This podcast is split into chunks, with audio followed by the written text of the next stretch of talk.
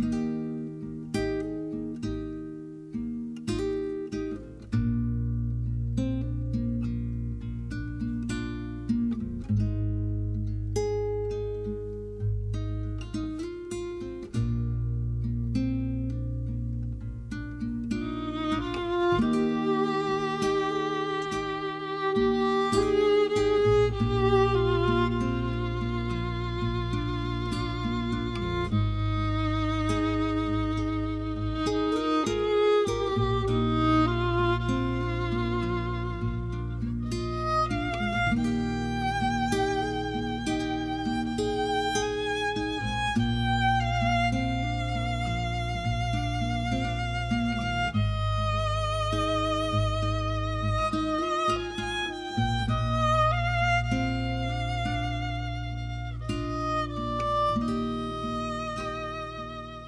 Dzień dobry i szczęść Boże. Jak się dzisiaj macie? Bo dzisiaj jest piątek 17 kwietnia, piątek w oktawie Wielkanocy, piątek pełen radości, w którym nie ma postu, tylko jest cały czas radość zmartwychwstania. I witam Was dzisiaj bardzo gorąco i bardzo serdecznie i bardzo radośnie na 70. kawie z Janem Pawłem II. Jeszcze nam 30 spotkań zostało, a dzisiaj ze mną na kawie Patrycja. Szczęść Boże. Szczęść Boże. Bardzo się cieszę, że możemy się no, spotkać tak ciągle inaczej, no jeszcze nie w pełni, jeszcze, jeszcze nierealnie na żywo nie możemy się uściskać, ale mam nadzieję, że to będzie lada moment. A dzisiaj tekst dla Ciebie, Jana Pawła II, skierowany do rodziny, o miłości. Wiemy, że jest to zło pierworodne, które drzemie w duszy każdego człowieka. Szczególnie łatwo daje o sobie znać poprzez naruszenie ładu moralnego małżeństwa i rodziny. Szczególnie łatwo w tych dziedzinach, gdzie tak wiele zależy od miłości, od prawdziwej miłości. Człowiek ulega egoizmowi i drugich, najbliższych czyni ofiarą tego egoizmu. Ten kryzys nie ominął rodziny, nie ominął on niestety polskiej rodziny. Powoduje tyle obrazy Boga, jest przyczyną wielu nieszczęść i zła. Nie odbuduje się zachwianej więzi rodzinnej, nie uleczy się ran powstających z ludzkich słabości i grzechu, bez powrotu do Chrystusa, do sakramentu. I ja wołam do Was, bracia i siostry, byście rozpalali na nowo Boży charyzmat, małżonków i rodziców, jaki jest w Was poprzez sakrament małżeństwa. Tylko w oparciu o łaskę tego sakramentu możliwe jest pełne przebaczenie, pojednanie i podjęcie na nowo wspólnej drogi. Przez nią odnawia się i odżywa ludzka miłość oraz tożsamość, prawdziwość ludzkich przyrzeczeń. Życie uczy nas, że miłość, miłość małżeńska jest zawsze szczególną próbą całego życia. Nie wtedy jest wielka i prawdziwa, kiedy zdaje się łatwa i przyjemna. Wtedy, gdy potwierdza się w próbach życia, podobnie jak złoto w ogniu. Bardzo ubogie pojęcie o ludzkiej i małżeńskiej miłości miałby ten, kto by myślał, że gdy przychodzi czas próby, kończy się miłość i radość. To właśnie wtedy uczucia ludzkie ukazują swoją trwałość. To właśnie wtedy umacnia się oddanie i czułość. Bo prawdziwa miłość nie myśli o sobie, lecz o tym, jak przyczynić się do dobra ukochanej osoby. Jej największą radością jest szczęście tych, których kocha. Jest poważnym błędem myślenie, że człowiek realizuje siebie pełniej poprzez stałe rozpoczynanie od zera, zmianę partnera, ilekroć tego zapragnie, niż wtedy, gdy nawet pośród trudności pozostaje wierny raz wypowiedzianemu tak. Człowiek, który cofa wypowiedziane niegdyś tak, odżegnuje się od obiecanej wierności i odbiera darowaną niegdyś miłość. Odrywa się od fundamentu, na którym opiera się jego własne życie. Nie ma już ojczyzny i pogrąża się w otchłani grzechu, który w pierwszej chwili może wydawać się pociągający, lecz nieuchronnie prowadzi do ontologicznej alienacji, utraty własnej tożsamości i samozniszczenia. Wierność wobec własnego początku, oznaczająca wierność wobec partnera, którego zaślubiłem w obliczu Boga, wierność samemu sobie, bowiem sam wypowiedziałem owo tak. Wierność niezależna od przebytej ewolucji i stopnia samorealizacji, wierność wobec drugiego człowieka, takiego jaki jest, niezależnie od jego rozwoju. Taka wierność jest nie tylko podstawową strukturą małżeństwa i rodziny, ale samego istnienia ludzkiego. Jest gwarancją zaufania i porządku, bez których ludzkość runęłaby w gruzy. Nie brakuje niestety we współczesnym świecie ludzi, którzy roszczą sobie prawo do proponowania małżeństwom i rodzinom namiastek łatwego szczęścia. Proszę Was, byście nie dawali się zwodzić. Amen. Amen. Mocne słowo.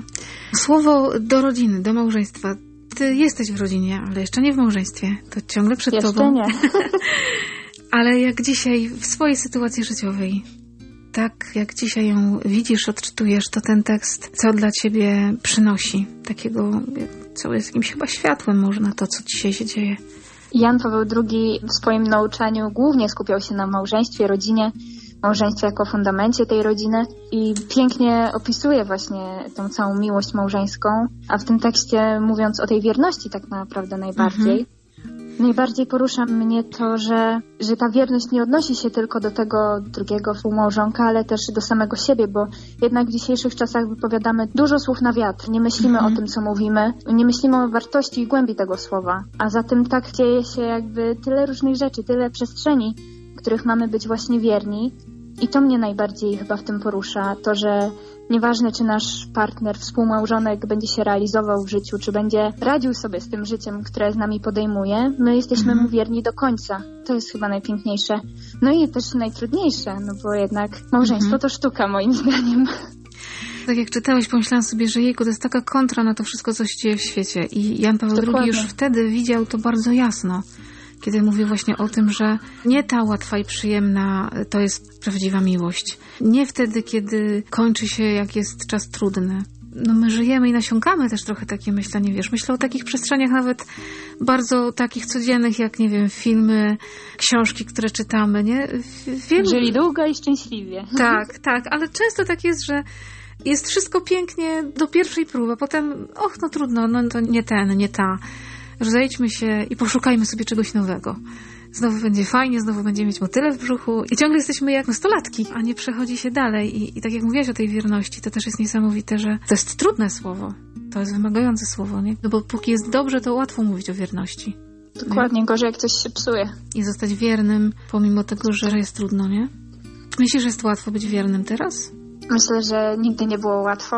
Mhm. Nieważne jakie okoliczności by były. Tak czytając ten tekst myślałam sobie, czy w naszych czasach jest trudniej być wiernym niż w poprzednich. Ale myślę, że zawsze jest trudno, bo wierność to po prostu rezygnacja ze swojego egoizmu, ze swoich jakichś takich wyobrażeń na temat drugiej osoby, tylko po prostu przyjęcie tego, co jest i praca z tym. Po prostu praca, praca, praca. Mhm.